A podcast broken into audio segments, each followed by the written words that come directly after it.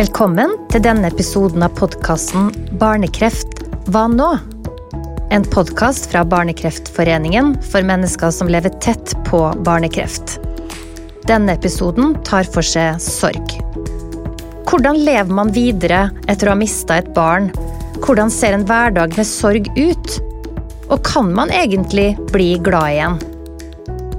Dette skal vi prøve å svare på sammen med Hanne Myhrvold, som mista sønnen sin Even da han bare var sju år gammel. Vi skal også snakke med psykologspesialist Marianne Straume ved Klinikk for krisepsykologi, som har lang erfaring med å jobbe med barn og familier i krise. Velkommen til det, Hanne Myhrvold. Tusen takk. Du mista sønnen din Even da han var sju år gammel i 2015.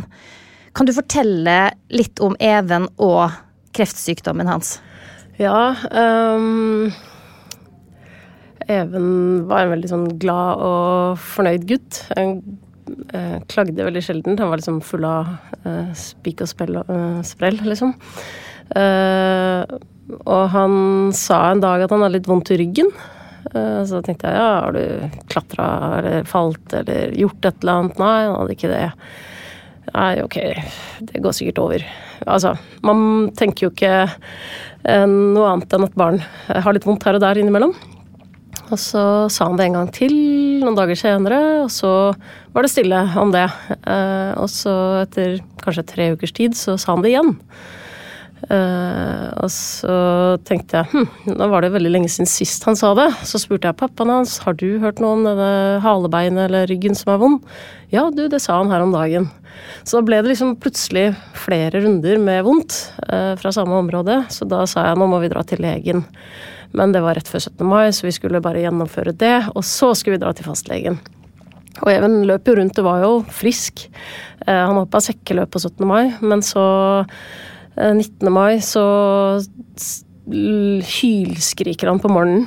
Um, og jeg løper inn på rommet hans, så han klarer ikke å stå opp av sengen. Uh, og da får jeg litt uh, panikk. Bærer han inn på badet, for han skal tisse. Og da, etter hvert så klarer han å stå på beina. Så kjører vi til fastlegen, som, og jeg møter en vikar der. Um, og så sier hun at eh, ja, vi får se det an et par dager, gi han noe smertestillende, jeg kan ikke finne noe sånn helt åpenbare ting. Og vi vil gjerne vente litt med røntgen. Og så går vi ut i bilen, og da klarer han ikke å løfte foten, eller løfte beinet. Så da løper jeg inn igjen og sier jeg vil ha røntgen nå. Så sier hun jeg ringer deg etterpå. Eh, så ringer hun litt senere på kvelden og sier at barneavdelingen på Drammen sykehus vil se dere i morgen. Så da dro vi dit, og så var det litt uh, utredning da, gjennom to dager der. Så tror man at det er en infeksjon i beinvevet i ryggen. Eller så kan det være noe malignt, sier de. Altså noe ondarta i der. Så da blir vi jo helt fortvila. Uh, men beholder egentlig ganske roen på det. Um, og så sier de at dere skal på Rikshospitalet neste uke og ta en biopsi. Og så ombestemmer de seg etter hvert og lander på at det er en infeksjon. Og vi blir lagt inn på sykehus i 14 dager med intravenøs antibiotika, og så skal han hjem og fortsette med antibiotika og leve som før. Dette her skal gå bra. Jeg har en dårlig følelse hele veien, eh, fordi noen har jo sagt at det kan være noe annet, og jeg vil gjerne at de skal ta denne biopsien som de har eh, sagt nei til. Men eh, ja, man må jo på en måte bare stole på at det er som det er, eh, det de sier. Så vi prøver å ha litt sommerferie. Even blir aldri helt fin. Han er stiv i ryggen, han har mye vondt i magen. Han er ikke helt seg selv. Og så plutselig en dag så ringer det en eh, kreftlege, barnelege, eh, til oss og så spør hvordan går det egentlig med Even. Og da blir jeg jo Ja, lurer på hvorfor hun ringer, og hun forklarer litt, og så sier de nå vil vi ta biopsien. Og imellom her har vi hatt en del undersøkelser, da, fordi jeg ikke var fornøyd, og fordi ja, han har hatt mye smerter. Og så gjør vi en uh, CT-undersøkelse, en MR-undersøkelse, ultralyd og diverse, og så kommer de og sier unnskyld, vi tror vi har tatt feil. Han har fått kreft. Dere må reise på Rikshospitalet på mandag. 10. august dro vi på Rikshospitalet, og vi kom i, i prinsippet aldri hjem igjen. Uh, ja, før vi dro hjem alene, da, i november. Gikk ekstremt fort. Ja. Uh, han, gjorde, han fjernet uh, binyren, en, binyre hvor primærsvulsten var. Og så begynte han på cellegift. Han hadde åtte cellegiftkurer. Og så fikk han en infeksjon, som er veldig vanlig. Eh, og når man ikke har noe immunforsvar, så kan det gå veldig galt. Han fikk eh, sepsis, eller det man kaller blodforgiftning. Eh, men det hadde de sånn tålelig eh, kontroll på. Men han hadde i tillegg fått en soppinfeksjon som man ikke fant før etterpå, da. Eh, det var vel en soppinfeksjon som var såpass sjeldent og vanskelig å bli kvitt, så jeg tror nok ikke utfallet kanskje ville vært så annerledes om de hadde funnet det før. Men ja. Det var Hva skal jeg si Vi var jo aldri så veldig redde uh, underveis, egentlig. Vi var veldig positive. Dette her, selvfølgelig skulle dette gå bra. Vi orket ikke å tenke på noe annet. Um, vi var ganske sånn glad og fornøyd familie på sykehuset, vil jeg skryte av oss og si. Vi lagde pannekaker på felleskjøkkenet og serverte de som ville ha. Vi liksom Even underholdt eh, sykepleierne i gangene. Altså, det var, det var god stemning. Uh, og jeg var som sagt ikke sånn veldig redd. Uh, kanskje var jeg reddere enn jeg ville innse, da, men, men sånn Prøvde å ha en god innstilling.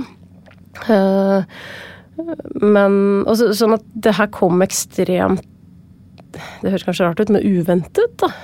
Det var liksom omtrent som at han ble påkjørt på gata. Fordi at det var liksom Han Jeg bare Jeg ser på bilder og tenker tilbake, så var han jo på en måte Kall det helt fin, da. Selv om han ikke hadde hår og var sliten og slapp og sånn, så var han jo på en måte helt fin et par dager før.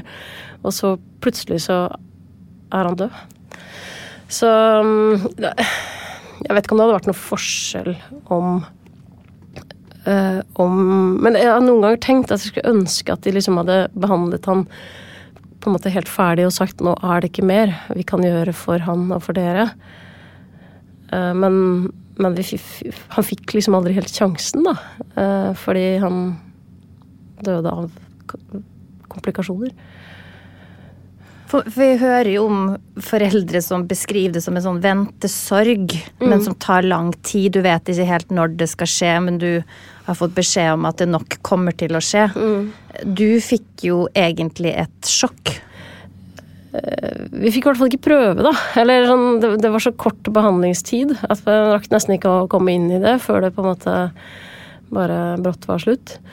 Um, jeg kjenner jo Man får jo en litt sånn spesiell vennekrets eh, når man har barn med kreft. Eh, det blir jo veldig mange andre familier med barn med kreft som man blir kjent med. Så jeg har fulgt flere andre barn og familier. Og på en måte jeg har jo vært nesten misunnelig på deres langtekkelige behandlingsforløp over år, ikke sant. Selv om ingen ønsker seg det, så har jeg på en måte tenkt at ja, men hadde han bare fått prøve litt til, liksom. Um, Men tenker du også at du ville vært mer forberedt? Nei, jeg tror ikke, tror ikke, man kan ta noe på forskudd. Jeg tror ikke man kan forberede seg på å miste et barn uh, sånn helt ordentlig. Uh, um, eller, det er umulig for meg å vite. Uh, det blir mange tanker rundt kunne noe vært gjort annerledes. Hvorfor fikk han den infeksjonen? Var det noe vi gjorde? Noe vi utsatte han for? Var det noe han spiste? Var, det det blir mange sånne eh, Fordi det var ikke det at vi kunne ikke mm, helbrede kreften, på en måte. Vi visste at det var en veldig vanskelig kreftform å bli kvitt. Um, uh, så ja, jeg vet ikke Jeg vet ikke om det ville vært noe bedre. Det ville vært annerledes, vil jeg tro. Men, men det, det, jeg hører at du sier, da, er at er det sånn at sorg på en måte snirkler seg inn i dårlig samvittighet på en eller annen måte, eller? Mm, ja, eller dårlig samvittighet snirkler seg inn i sorgen, kanskje. Ja. Mm, heller. Altså, jeg tror eh, altså, Som mennesker så prøver vi hele tiden å finne svar på ting. Og finne Altså, vi ønsker jo hele tiden å lære og gjøre ting bedre, så det er sånn uh, man kan jo våkne på natta og tenke på noe man har gjort på jobb som man skulle ha gjort annerledes eller bedre. Og på samme måte blir det med dette, da. Altså at hva kunne jeg Altså, jeg kunne jo ikke gjort noe annerledes. Jeg kunne jo ikke redde Even, det var ikke min oppgave. Men likevel så leter jeg på en måte litt etter de svarene, da. Uh, og jeg har jo på en måte blitt flinkere til å ikke gå dit. For det, det er jo bare det er jo ikke nyttig. Så, men, men, helt fri fra det vet jeg ikke om jeg kommer til å bli, liksom. Men det er jo bedre nå enn det var. Hvordan opplevdes sorgen da det her skjedde med Even? Dere har da et veldig, veldig kort sykdomsforløp, mm. og han dør plutselig. Ikke av kreften, men av en infeksjon.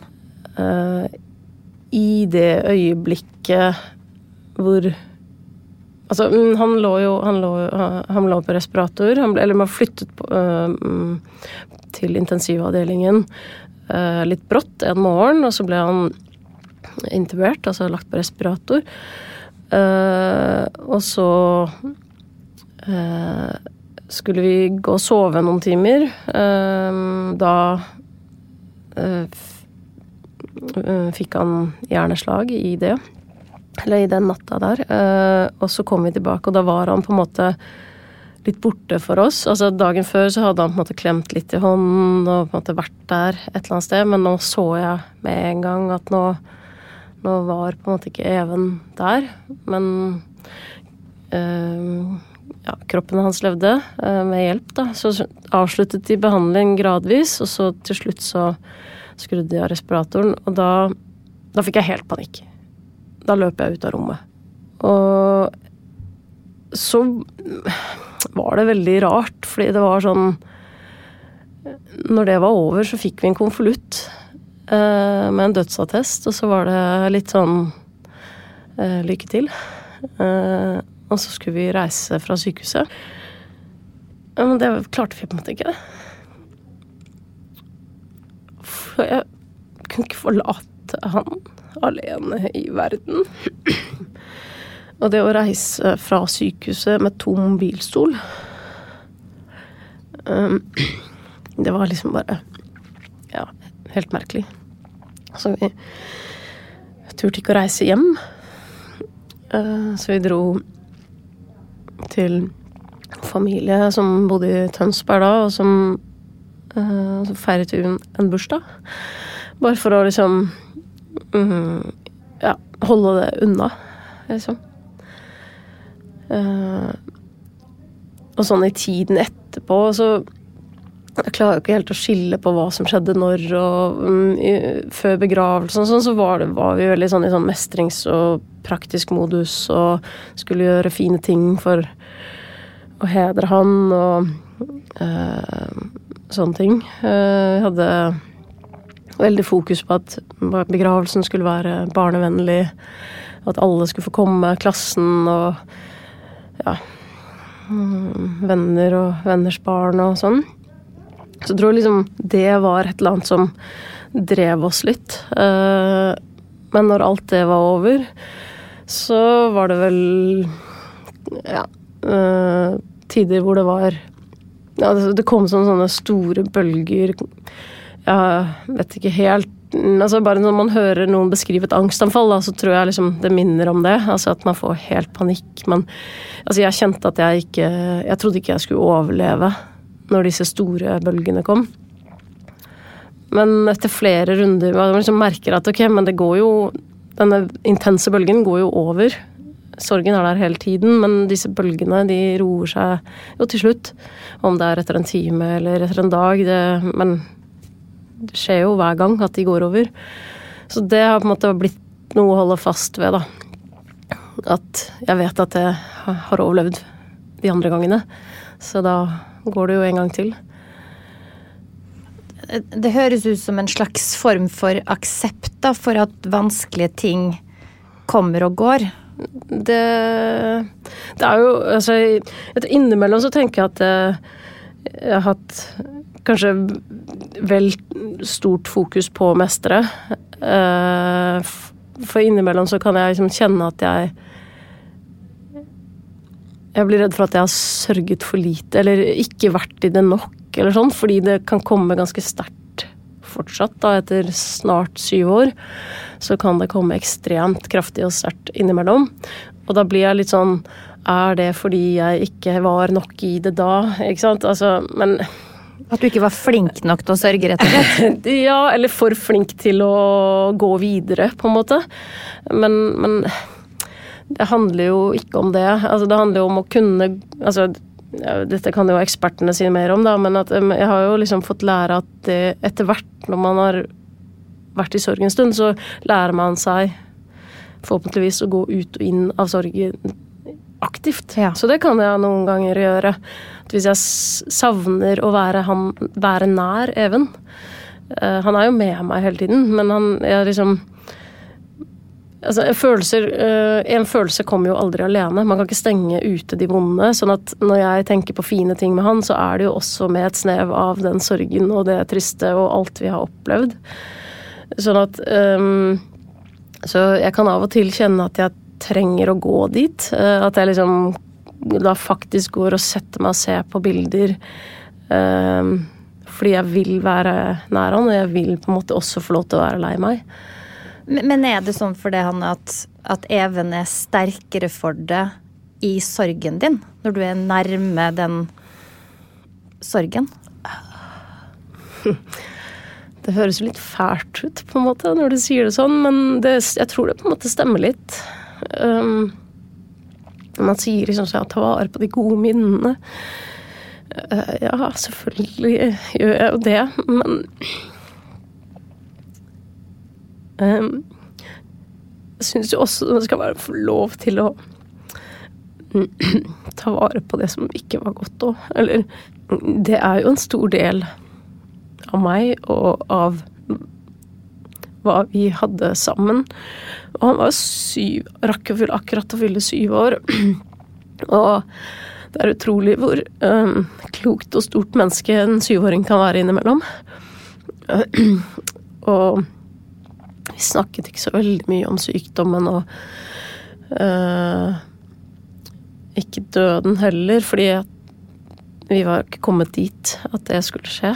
Um, men at han ja, Vi leste en bok uh, hvor jeg var helt uforberedt, men der var det en, en, gutt som hadde mistet moren sin i kreft i den boken. Så leste jeg høyt for han, og så ble jeg litt sånn Oi, dette må jeg jo kommentere, på en måte. Så spurte jeg om han syntes det var rart, og da sa han ja. Mm.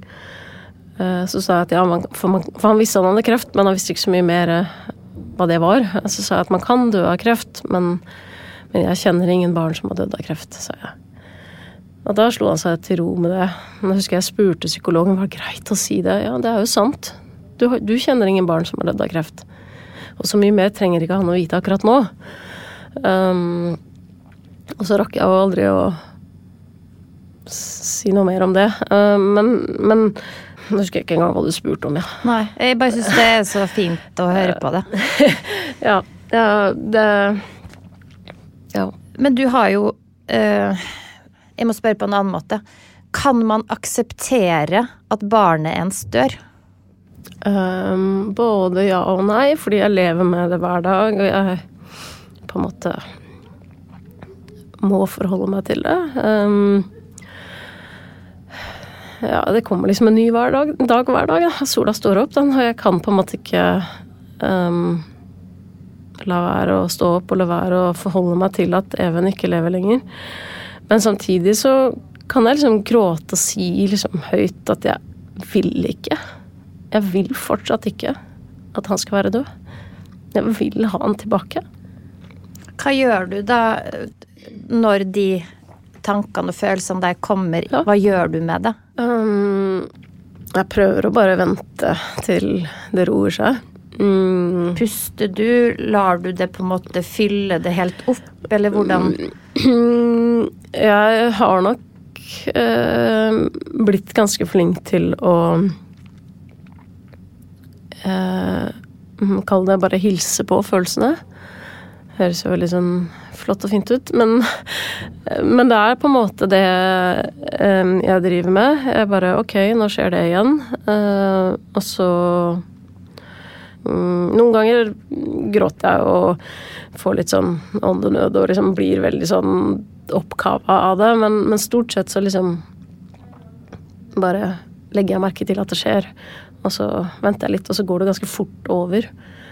Sånn som egentlig når vi sitter her nå, så er jeg jo veldig mye ut og inn av det. Det liksom tar meg, og så bare mm, forsvinner det ganske kort tid etterpå. Men det, så kommer det jo tilbake igjen da, etter to minutter. Så men, hvordan, eh, men du, du, På meg så fremstår du som en som har et veldig sånn aktivt forhold til hva som skjer på innsida. Altså når de store følelsene kommer, så så har du på et eller annet sted Jeg hører liksom at du sier at jeg vet at de kommer og jeg kan gå inn og ut av det. Du har på en måte blitt venn med det at det skjer, da. Ja. Mm, ja, jeg tror på en eller annen måte at jeg har det. Uh, men, men i når de der panikkene kommer, da, eller det der kjempestore som jeg ikke har kontroll på, så blir jeg jo Jeg blir ikke like redd som før, men det blir jo veldig stort. Uh, så det er ikke sånn at jeg går og har fullstendig kontroll hele tiden. Uh, men det er jo også at min historie om Even, min historie om alt som har skjedd, uh, kan jeg ofte fortelle ganske problemfritt, fordi det er en historie.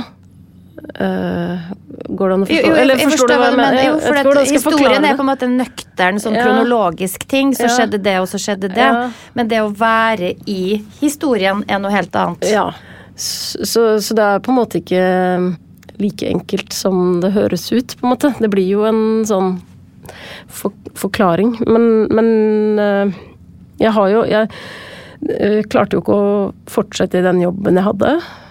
Eh, det kan jo hende jeg hadde klart hvis jeg hadde ventet lenge nok, men jeg tror ikke jeg hadde tid til å vente. Altså, jeg var redd for å bukke under, tror jeg. Jeg var veldig redd for at eh, jeg skulle bli At sorgen skulle bli for stor, at jeg skulle bli bitter. Jeg gikk veldig tidlig inn i meg selv og liksom bestemte meg for at ikke jeg skulle knekke helt sammen. Sånn at jeg øh, Ja, Av redsel for hva som ville komme hvis du ikke gjorde det? Ja, jeg tror det. Uh, at jeg tror jeg liksom måtte holde meg travel. Uh, og sånn jeg Fordi jeg ikke fikk til å jobbe, så tenkte jeg at ja, men studere kan jeg vel gjøre. Fordi det er det ingen som bryr seg om hvordan går, på en måte. Det er bare meg det går utover. Da trenger jeg ikke å stå til ansvar overfor en arbeidsgiver. Jeg er på en måte Ja. Uh, så, så, jeg prøvde meg på det, og det gikk veldig bra. Det ble en slags livbøye, det òg. Bare ha et eller annet prosjekt. Hva studerte du? Sykepleie.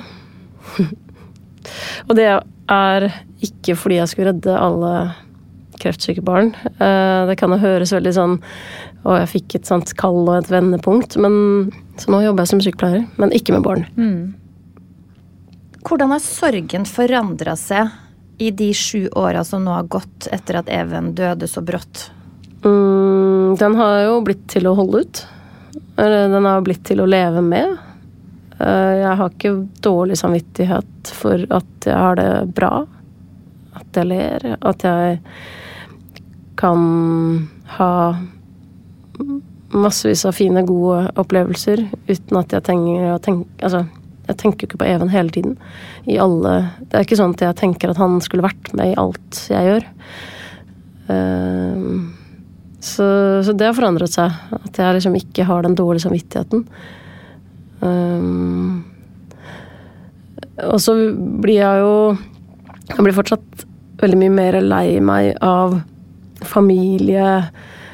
Eh, eller på ferie med venner og venners barn, eller familiemedlemmer med barn. Det liksom setter meg mer ut enn andre rene voksenopplevelser. Det er jo lettere um, Jeg blir ikke like satt ut hver gang Altså, jeg kan nå på en måte se, se et barn krype opp på fanget til en forelder på trikken f.eks., uten at det på en måte tar meg like sterkt. Jeg kan fortsatt kjenne på det savnet og den lengselen etter de øyeblikkene.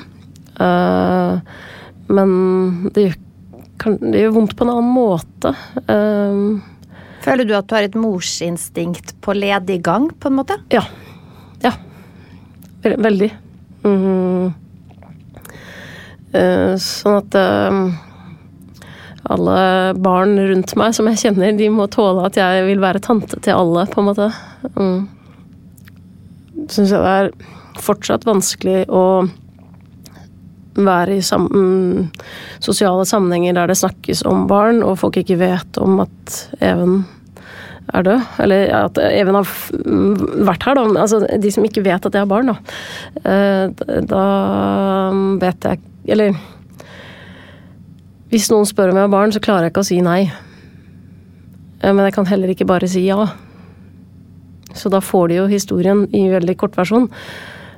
Um, og det føler jeg et veldig stort ansvar for.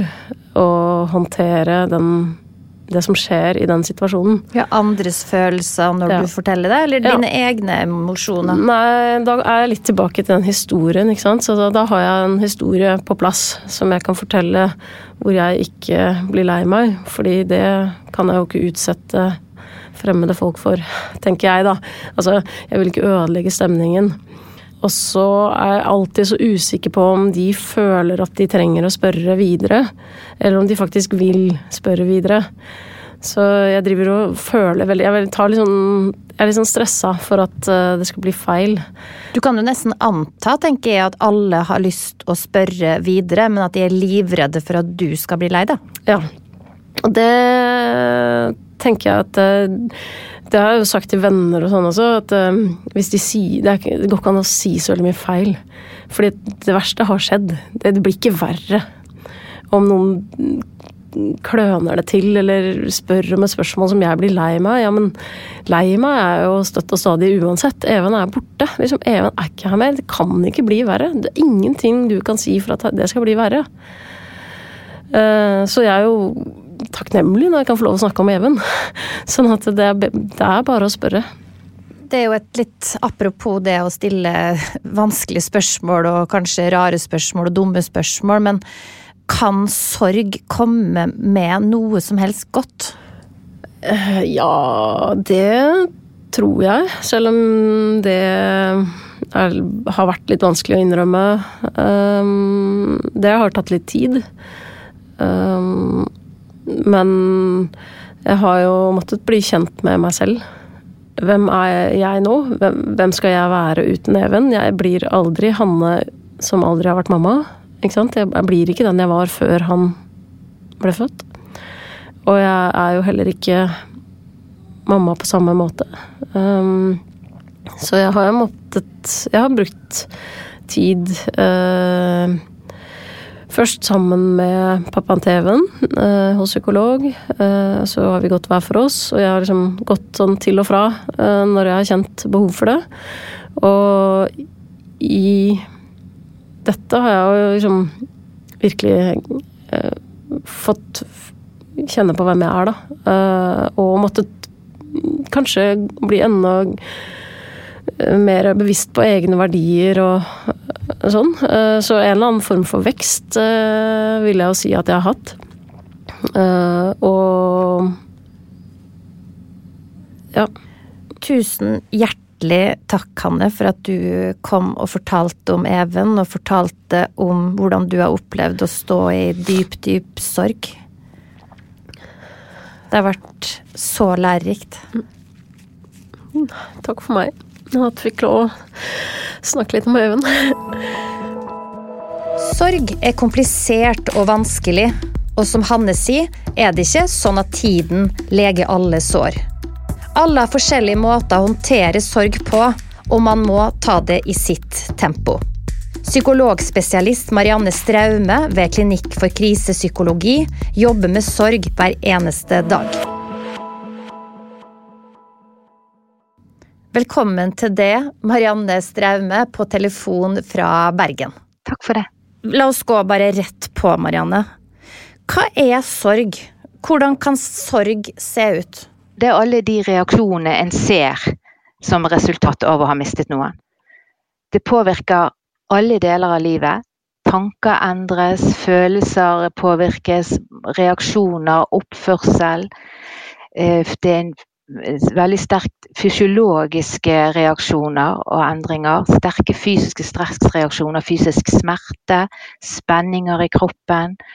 Eh, det går utover søvn, det går utover energinivå.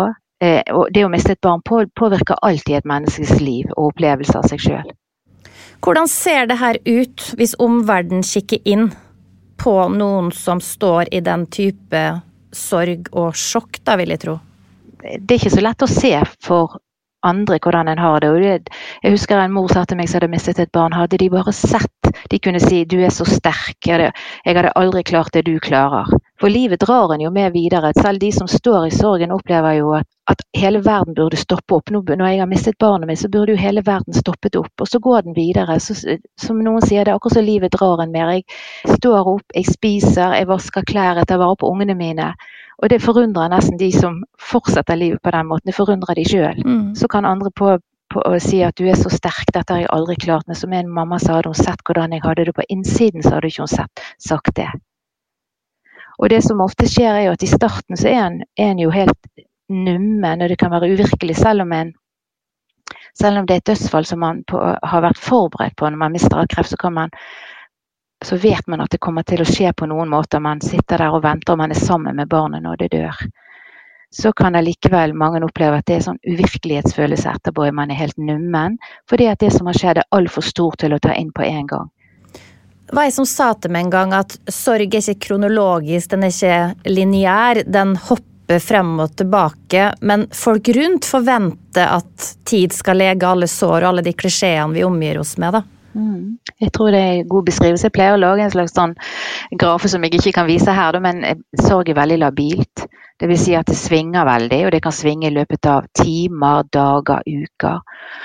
Um, mens, at, mens, det er litt mer lineært for omgivelsene, at de gradvis Det går på en måte litt mer sånn linje rett opp, mens for foreldre så er det en veldig veldig bølgete, svingete linje, men som på en eller annen måte likevel går oppover. Men det betyr ikke at man kanskje etter et halvt år kan ha det like tyngre enn i starten, som jeg sa. Og så kan man ha svingninger som ikke er så store etter hvert, men plutselig så er det noe. Det kan være en konfirmasjonsdag, at kompiser kom til den som døde, konfirmerer seg, eller det kan være en dødsdag eller jul, eller noe annet som på en måte bringer sorgen veldig frem igjen. Og da kan en oppleve at en kan svinge dypt ned igjen, selv om det er gått lang tid og hverdagen er begynt å gå bedre. Men så vet en jo òg etter hvert at kommer, en kommer opp igjen, og en eh, kan være mer forberedt på disse svingningene. Er vi mennesker mer robuste enn vi tenker at vi er? Når vi sjøl øh, Hvis jeg tenker at mine barn skulle dø, da, så tenker jeg jo samtidig det hadde ikke overlevd, da hadde de dødd. Eller da hadde de ikke klart å leve, eller Men er din erfaring med, etter så mange år da, med å jobbe med krise og sorg, at vi er mer robuste enn vi tror, når vi ikke har erfart det? Ja, altså foreldre overlever jo dette. Og jeg pleier å si til foreldre hvis jeg ikke trodde, for de lurer jo på kommer jeg til å overleve dette. Og jeg pleier å si at jeg hadde ikke klart å jobbe med dette så lenge hvis jeg ikke visste at på et eller annet, at det er bedre der fremme, at det er lys der fremme, med veien dit er mye tyngre enn det mange rundt er villig til å, å se eller uh, stå i sammen med de da. Så det er jo selvfølgelig sånn at man overlever sorg, og man kan bli glad igjen, og man kan få et godt liv. Men det er sorg etter å ha mistet et barn er jo på grensen til hva man kan tåle. Og, det, og sånn kjennes det ut når man står i det òg. Men så er det vel sånn at man, disse bølgene gjør at man innimellom får pause nok til at man klarer neste bølge som skyller over, hvor man igjen tenker dette kommer jeg ikke til å klare, dette kan jeg ikke overleve. Men så slipper det på en måte litt tak igjen. Og etter hvert så lærer man seg også strategier der man kan porsjonere det sånn at det er mulig å holde ut. Mm. Dårlig samvittighet er et sånt Eh, ord som kommer opp eh, knytta til sorg. For hvis man ikke sørger, så har man på en måte liksom svikta det barnet som ikke fins lenger. Er det en erfaring du sitter med, Marianne? Ja, det er, det er, vanskelig, og man kan plutselig ta seg i å le av noe og så kjente at dette er feil. Og her er, det to, her er det jo to perspektiver. Det ene er jo det man viser overfor omverdenen. For jeg vet at noen, når det er så vanskelig for omgivelsene å forstå hvor omfattende og krevende sorg over å miste et barn er, og mange opplever at omgivelsene trekker seg, og de er, blir alene med det. Og noen opplever at ønsker, vi får ikke lov å ta sorgen eller barnet vårt med oss videre. Noen opplever at eh, hvis jeg snakker om barnet mitt, så blir de andre tause eller begynner å snakke om noe annet. Um, og de kan jo være redd for at andre skal tro at det er annerledes enn det er. Så det å vise glede overfor andre, det kan òg virke litt feil. For det første så blir de redd for at nå tror de at vi er over det sånn at vi ikke kan vise smerte igjen. Eller at noen er redd for at noen skal tro var ikke jeg glad i barnet mitt. Så det er den ytre perspektivet. Også det er det samme inni en, at en kan være redd for at det skal bety at en ikke elsker barnet høyt nok, eller at en slipper litt tak i det på en måte. Men sånn er det jo ikke. Og jeg pleier å si til foreldre som sier at de syns det er vanskelig å slippe til glede, eller vanskelig å gå videre og vanskelig å ønske noe for sitt eget liv, er at det blir mer enn nok sorg det er så krevende å skulle gå videre etter å ha mistet et barn. At en trenger pausene. Nei, Så det er lov å le av noe som er morsomt uten å få dårlig samvittighet for det? Ja, å kunne glede seg til noe og ha forventninger, det er lov. Kjærligheten til barnet, det, det, er like fast som om det skulle vært hogget i stein. Og det er i hjertet, for det er ikke i tankene hele tiden. Det mister man aldri. Men man trenger krefter til å sørge, og derfor må man ta imot alt som kan gi en litt energi. Og så trenger de andre barna å se at foreldrene kan være helt til stede her og nå. Bare være til stede med de som fortsatt lever, og ikke hele tiden ha et, en oppmerksomhet på sorgen. Og det husker jeg en jente sa til meg. Uansett hva meg og mamma gjør sammen, uansett hva vi snakker om, så ser jeg at tankene hennes er et annet sted. Og gjenlevende søsken trenger like mye, og kanskje mer enn før, foreldrenes fulle oppmerksomhet innimellom. Mm. Hvordan eh, opplever du det i din praksis? Hva er det folk trenger når de kommer i en så håpløs situasjon? Fra andre så trenger de jo at noen er der og klarer å gå ved siden av.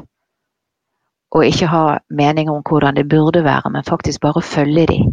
Og forstå at det kan være så krevende, langvarig og svinge så mye som det gjør, og ikke ha meninger om hvordan det burde være, og ha mange råd om at man, nå må du begynne jobb igjen, og nå må du tenke på noe annet. Og virkelig være der og tåle å stå i den smerten sammen med dem.